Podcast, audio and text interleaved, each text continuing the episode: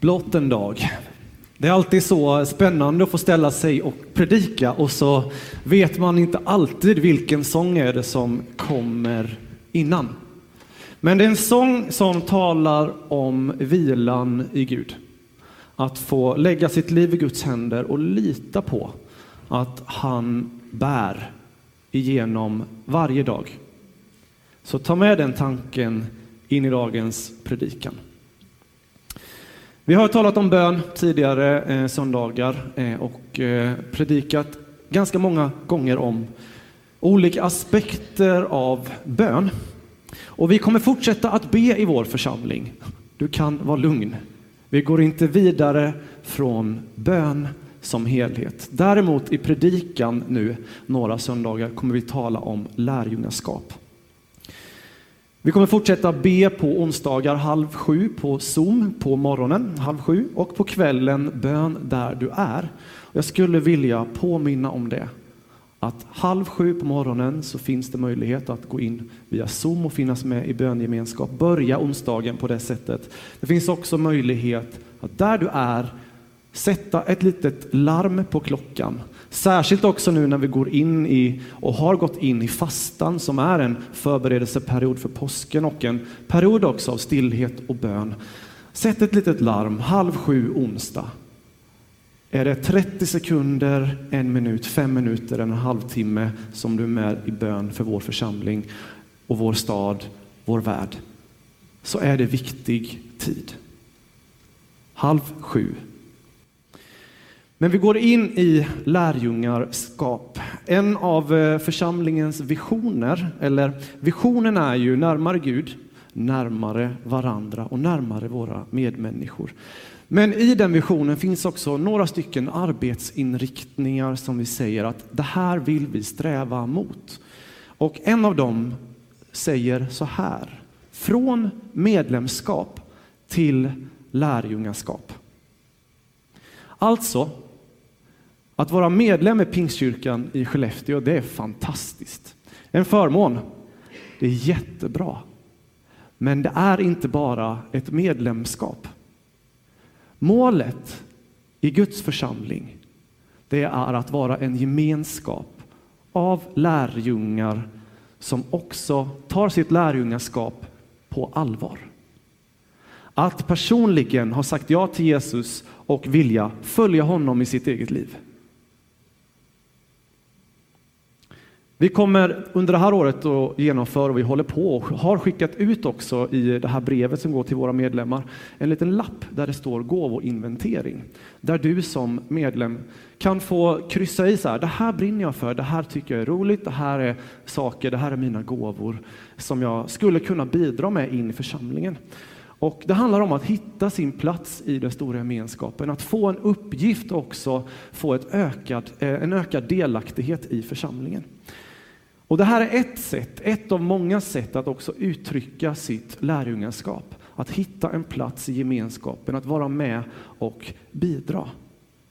När medlemskap säger någonting som kanske är mer passivt. Jag är medlem i Skellefteå skidklubb Eh, jag har inte varit på ett enda möte eller årsmöte eller någon stämma eller någonting.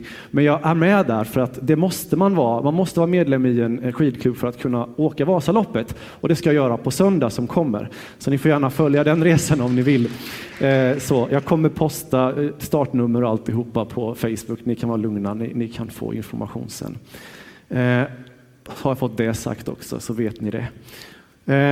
Bra, nu går vi vidare. Nej, men jag har inte varit på en enda sån samling i Skellefteå skidklubb. Jag är också medlem nu i KFUM i Skellefteå för att enkelt kunna ha, eh, vara där på vardagar och kvällar och helger ibland och klättra på klätterväggen som är där, för det är ett av mina stora intressen. Nu har jag bestämt mig för att jag ska nog ändå försöka gå på årsmötet som är här 15 mars där. Eh, be för det kanske så att jag kommer dit och eh, också får träffa människor där. Jag vet inte om jag kommer åka än. Därför att medlemskap kanske är lite mer av någonting som är passivt. Det krävs inte jättemycket. Det krävs att du betalar in en medlemsavgift och att du finns med på ett papper och att dina uppgifter finns med i registret. Det är det som krävs av ett medlemskap. Men hur är det med lärjungaskap? Är det samma sak? För mig är lärjungaskap någonting annat. Någonting som säger någonting om att vara aktiv själv. Att ta sin tro på allvar, att följa Jesus med en egen vilja och intention. Det ska vi prata mer om idag, så följ med mig in i Guds ord. Fantastiskt. Har du en bibel med dig så slå upp. Eh, du har tid under tiden att jag slår upp Matteus evangeliets fjärde kapitel, vers 17 till 22. Eh, fantastiskt att få ha goda nyheter här och tala om vikten av Guds ord. Och eh, det är faktiskt så här att jag jag har inte brukat göra så, men eh, jag märkte det när jag såg en predikan av David Sundström härifrån församlingen, när han var här och besökte, att eh, han uppmanade alla att stå upp när vi läste Guds ord. Och jag tänker vi skulle kunna göra så idag också. Att vi markerar att Guds ord är viktigt och så kan vi stå upp tillsammans när vi läser de här verserna. Matteus kapitel 4, vers 17 till 22. Från den tiden börjar Jesus predika och säga omvänd er, himmelriket är nära.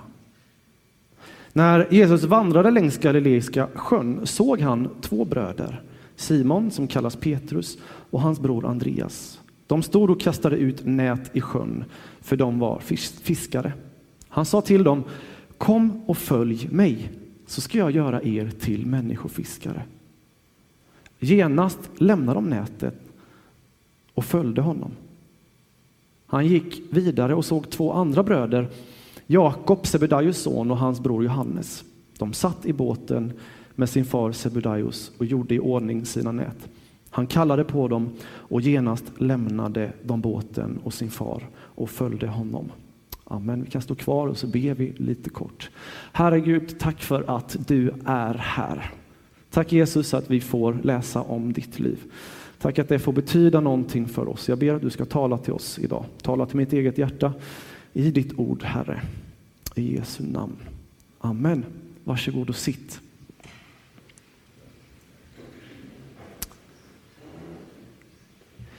I den här bibelversen så finns det några saker. Det talas om hur Jesus börjar predika omvändelse och så kommer han fram till några bröder, eh, fiskare. Två stycken par bröder. Och så kommer de här orden, kom och följ mig. Det är det första som Jesus säger. Och så finns det en sak till som han säger. Så ska jag göra er till människofiskare. Det finns någonting i det Jesus talar till Andreas Petrus eh, och Johannes och hans bror Jakob. Kom och följ mig. Lärjungaskap, det börjar med de orden. Att man får ett möte med Jesus där han säger kom och följ mig. Vi fick lyssna förra veckan på Urban Ringbäck, hur han eh, talade om eh, Jesu identitet, ett barnaskap som sonen hade fått ifrån fadern. Att Jesus var trygg i sitt barnaskap till Gud och att det är också det som Gud kallar oss in i. Ett barnaskap, en ny identitet där vi får tillhöra honom, vi får ha ett barnaskap. Vi tillhör Gud. Det här ligger i orden kom och följ mig. För det Jesus inbjöd de här unga grabbarna till, det var inte bara eh, att följa honom en liten, liten stund den dagen. Det var kom och följ mig i tre år. Och så kommer det påverka resten av era liv. Tre år av gemenskap, att de sitter ner, de går tillsammans, de gråter ihop, de svettas och arbetar tillsammans. De lever livet tillsammans. Den här gemenskapen kallar också Gud dig till. Jesus kallar dig. Kom och följ mig. Åt dem som tog emot honom gav han rätten att bli Guds barn. Jesus vill ge dig i ditt liv en ny utgångsposition att leva utifrån. Där börjar lärjungaskapet. en ny identitet, en ny position, någonting annat.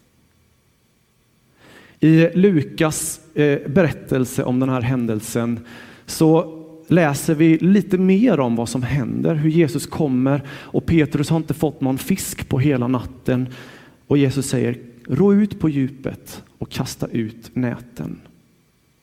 Och näten fylls av fisk och Petrus inser det här är någonting annat. Det här är någonting större än vad Petrus hade varit med om tidigare. Någonting som sprängde gränsen för vad han själv kunde tänka. Jag tror inte han har fått så mycket fisk i hela sitt liv. Och han inser någonting, han faller ner på knäna och ber Jesus gå ifrån mig för jag är en syndare. I kallelsen kom och följ mig. Så får vi inse var vi kommer ifrån. Och att det, det är något annat än vad Jesus är. Och vi får lägga ner våra liv, vi får böja knä inför honom. Och vi får erkänna, jag är syndare. Jag behöver en ny position, jag behöver någonting annat i mitt liv. Jesus lämnar inte Petrus där, utan han tar med honom på en resa. Och då kommer vi in på det här med vad som händer. Att följa, det innebär också ett lämnande. Petrus, eh, det talas om att han hade en svärmor. Och vad innebär det om man har en svärmor? Man är gift, vad bra. Det talas inte så mycket om Petrus fru i, i eh, eh Bibeln. Det gör inte det. Det nämns någon gång i, i, i eh, några senare i något brev också eh, att Petrus var gift. Eh, man förstår det av sammanhanget i Bibeln. Det står att Petrus och Andreas, Simon och, eller vad heter det, Johannes och Jakob, eh, de lämnar näten där genast. Och så följer de. De lämnar det som var deras trygghet, deras yrke, deras försörjning och så följer de på vinst och förlust kanske. Och det bottnar i det här mötet. Varför gör man det? Varför lämnar man allt? Hem kanske? En fru som fick vara ensam ett tag? Därför att mötet med Jesus gav någonting annat, en ny tanke om livet, någonting mer. Livet kan vara någonting mer. Och Jesus säger, så ska jag göra er till människofiskare. En ny process börjar i Petrus liv från att ha varit fiskare till att bli någonting annat, människofiskare. Så samtidigt som kallelsen är att få byta identitet och få en tillhörighet så är det också att påbörja någonting av en process i ditt liv. Där Gud vill ge dig en större tanke om vad som kan rymmas i ditt liv, vad ditt liv kan vara, vad ditt syfte här på jorden kan få bli.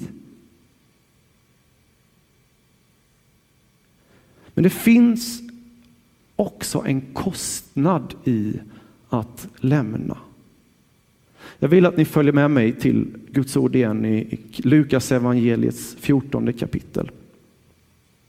Nu har jag fuskat och lagt ett snöre här, det kommer upp på väggen. Eh, jag läser ifrån 14 kapitlet, vers 25 och fram till vers 33. Jesus han var populär och det står här följande. Stora skaror vandrade med honom och han vände sig om och sa till dem. Om någon kommer till mig och inte sätter mig högre än sin far och sin mor, sin hustru och sina barn, sina bröder och systrar och även sitt eget liv, så kan han inte vara min lärjunge. Den som inte bär sitt kors och följer mig kan inte vara min lärjunge. Om någon av er vill bygga ett torn sätter han sig inte först ner och beräknar kostnaden och ser om han kan fullfölja bygget. Annars om han har lagt grunden men inte lyckats bygga färdigt kan alla se det och börja håna honom och säga den mannen började bygga men han lyckades inte bli färdig.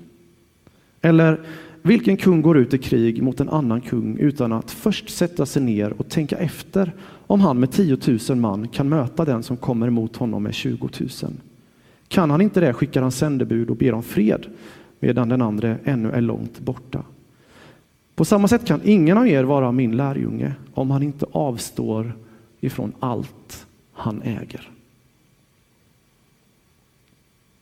Vilka ord! Vilka svåra ord! Enormt utmanande.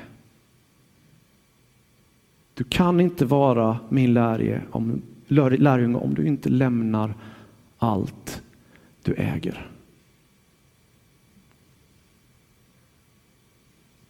Att vara Jesu lärjunge, det handlar om att tacka ja till ett erbjudande. Ett fantastiskt erbjudande om tillhörighet, att påbörja en process där Gud får visa dig något mer. Men det är också att beräkna kostnaden, att vara en korsbärare. Det finns ett allvar där lojaliteten till Jesus är viktigare i ditt liv än alla andra lojaliteter. Det gäller även lojaliteten till Skellefteå skidklubb.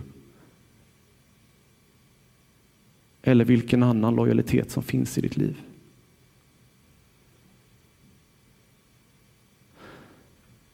Ibland funderar jag på ägandeskap. Jag hade ett samtal med en person för en stund sedan och så tänkte jag på det här med ägandeskap. Är det så att jag äger saker eller är det saker som äger mig? Vi lever i en väldigt rik del av världen där vi har mycket, men allt vi äger gör också anspråk på vår tid. Och jag märker i mitt eget liv att sen jag skaffade en smartphone, jag var väldigt sen med det, men sen jag skaffade den så har jag blivit värre än alla andra på att sitta med den och titta på den. Och den äter så mycket tid.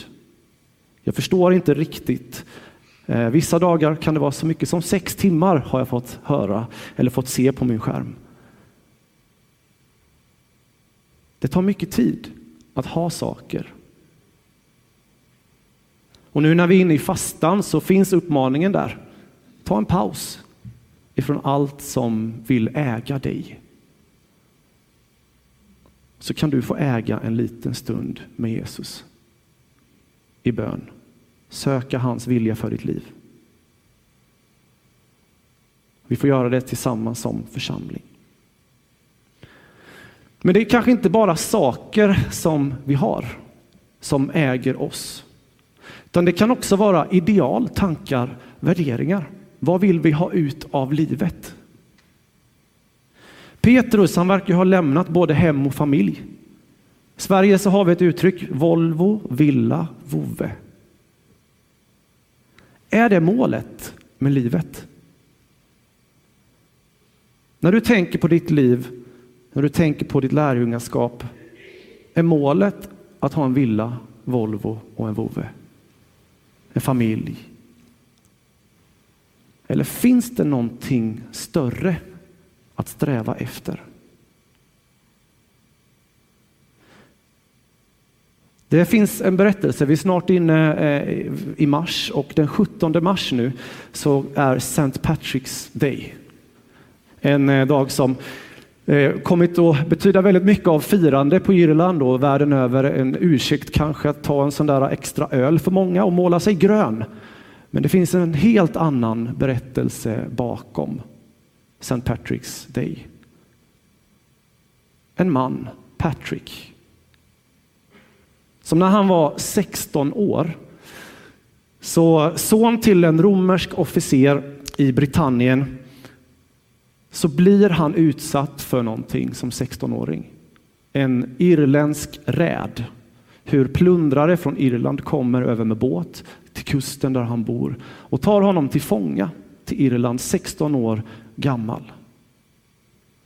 Och han blir tagen dit och han får valla får och boskap i sex år i fångenskap. Som slav i ett främmande land bland ett främmande folk. Och Patrick berättar i sina egna berättelser som finns kvar idag att under den här perioden så blev bönen viktig. Han hade tidigare inte varit särskilt religiös, men det fanns ändå en tro och det fanns ändå en insikt om vem Gud kanske är. Och där när han vallar får och boskap så börjar Gud tala till honom och bönen blir jättecentral i hans liv och han börjar be och söka Gud under de här åren. Och efter sex år så får han en dröm där Gud visar honom att du ska lämna det här nu. Du ska fly. Du ska ta dig till kusten. Där finns ett skepp som väntar på dig. Och han flyr. Han slår sig fri från sin fångenskap, tar sig till kusten, hittar ett skepp där som ska över till Britannia. Lyckas övertala kaptenen att ta med honom. Sen när han efter några till svårigheter kommer tillbaka till sin trygghet, till hemmet, familjen, då talar Gud igen till honom. Han får en till dröm. Hur Jesus själv ger honom ett brev. Ett brev som han börjar läsa och när han läser det så hör han ett rop ifrån Irland som han just har lämnat. Ett rop efter evangeliet. Ungefär på det sätt som Petrus fick eh, när han besöker Cornelius. Kom över till Makedonien.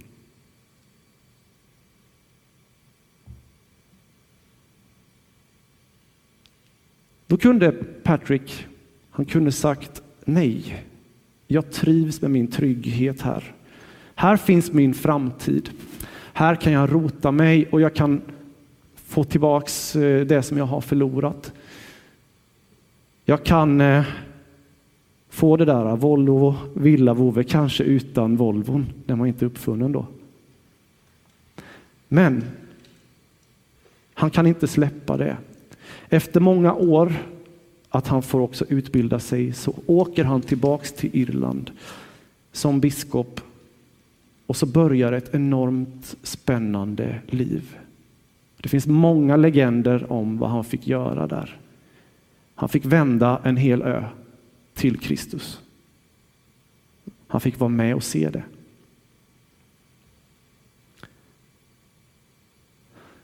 Att lämna någonting, att betala ett pris. Kanske sin egen bekvämlighet ibland. Det kan verka som ett stort offer. Men det finns också ett löfte i Guds ord. Och vi ska gå till Markus evangeliet och vi ska läsa därifrån. Det här är sammanhanget om en rik man som ägde jättemycket. Och där Jesus säger till honom ungefär det vi läste i Lukas evangeliet att sälj allt du äger och kom och följ mig. Den här mannen eh, gör inte det. Han går bedrövad därifrån därför att allt han ägde höll sånt hårt grepp om honom att han kunde inte lämna. Och då säger Jesus de klassiska orden att det är lättare för en kamel att ta sig igenom ett nålsöga än för en rik att komma in i Guds rike. Och då säger lärjungarna, men om det är så, vem kan då? Och Jesus säger, för människor är det omöjligt, men för Gud är allting möjligt. Markus evangeliets tionde kapitel vers, ska vi se, 28 börjar vi och sen fram till 31. Så vers 28 i Markus evangeliet. För människor är det omöjligt, men för Gud är allting möjligt. Och Petrus, som vi läste om, som har lämnat allt. Han svarar Jesus så här. Petrus sa till honom, vi har lämnat allt och följt dig. Jesus sa, jag säger er sanningen, ingen lämnar hus eller bröder eller systrar eller mor eller far eller barn eller åkrar för min och för evangeliets skull utan att få hundrafalt igen. Här i världen får han hus, bröder, systrar, mödrar, barn och åkrar mitt under förföljelser. Och sedan i den kommande världen evigt liv.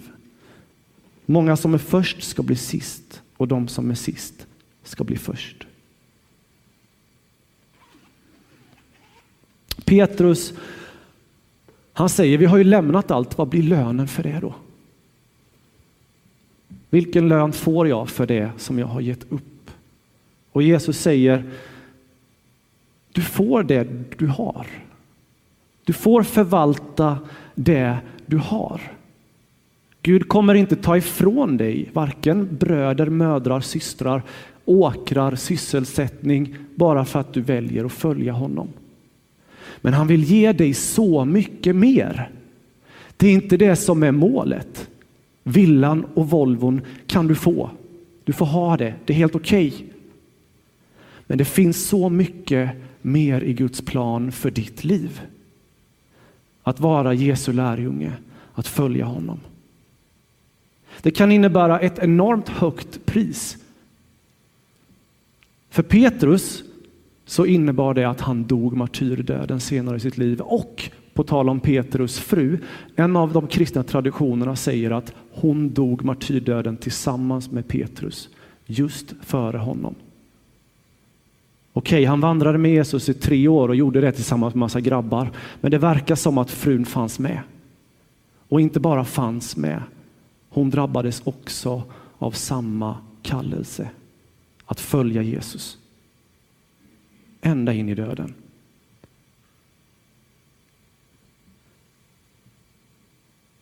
Men där finns också löftet att lönen är inte bara i den här världen. Utan lönen är också ett evigt liv. Det här är hoppet, hörni. Det är det som gör det värt att lämna allt. Det finns så mycket mer för dig i ditt liv. För att sammanfatta min predikan nu då och gå in lite mer mot avslutning, inbjudan, förbön. Har du fått ett livsförvandlande möte med Jesus som Petrus? Har du det? Har du mött honom? Om du inte har mött honom så idag vill Gud möta dig. Idag vill han möta dig och ge dig en ny riktning för ditt liv.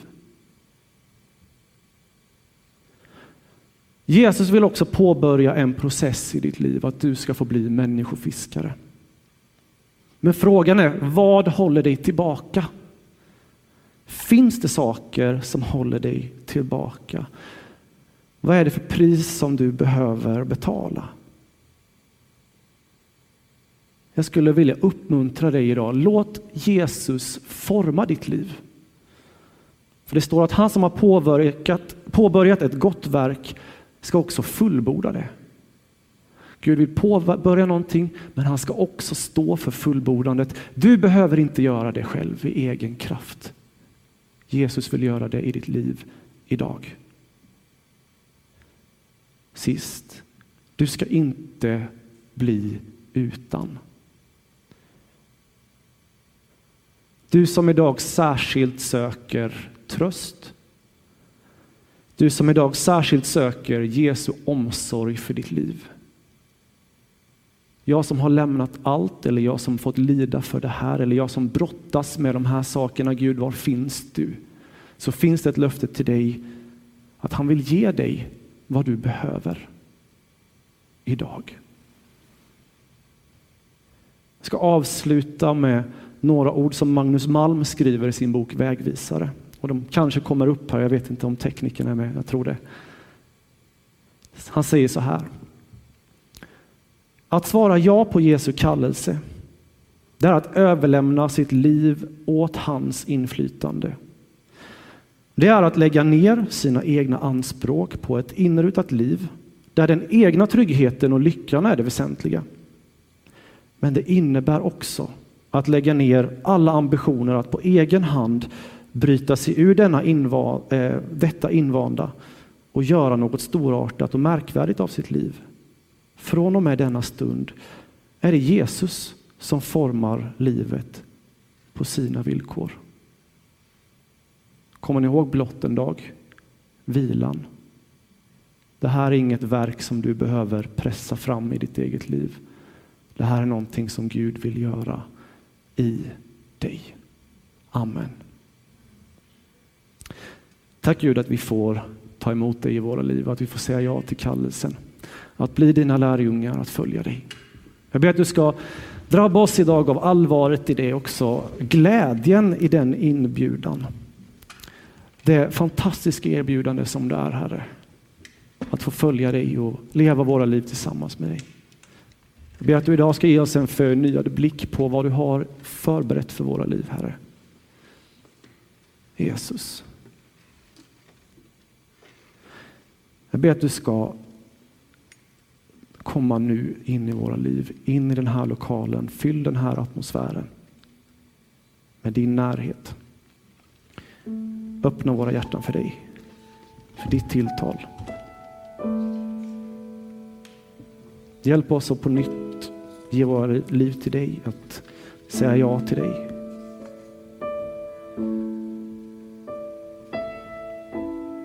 Hjälp oss att räkna med dig i våra liv. Att mitt i vardagen, mitt i allt med hus och jobb och allting, så har du någonting för oss. Få vara dina lärjungar, att få möta andra människor, att få bli människofiskare. Led oss in i det, Herre. Led mig in i det, i mitt liv. Att jag inte bara lever för mig själv, utan för andra människor runt omkring mig.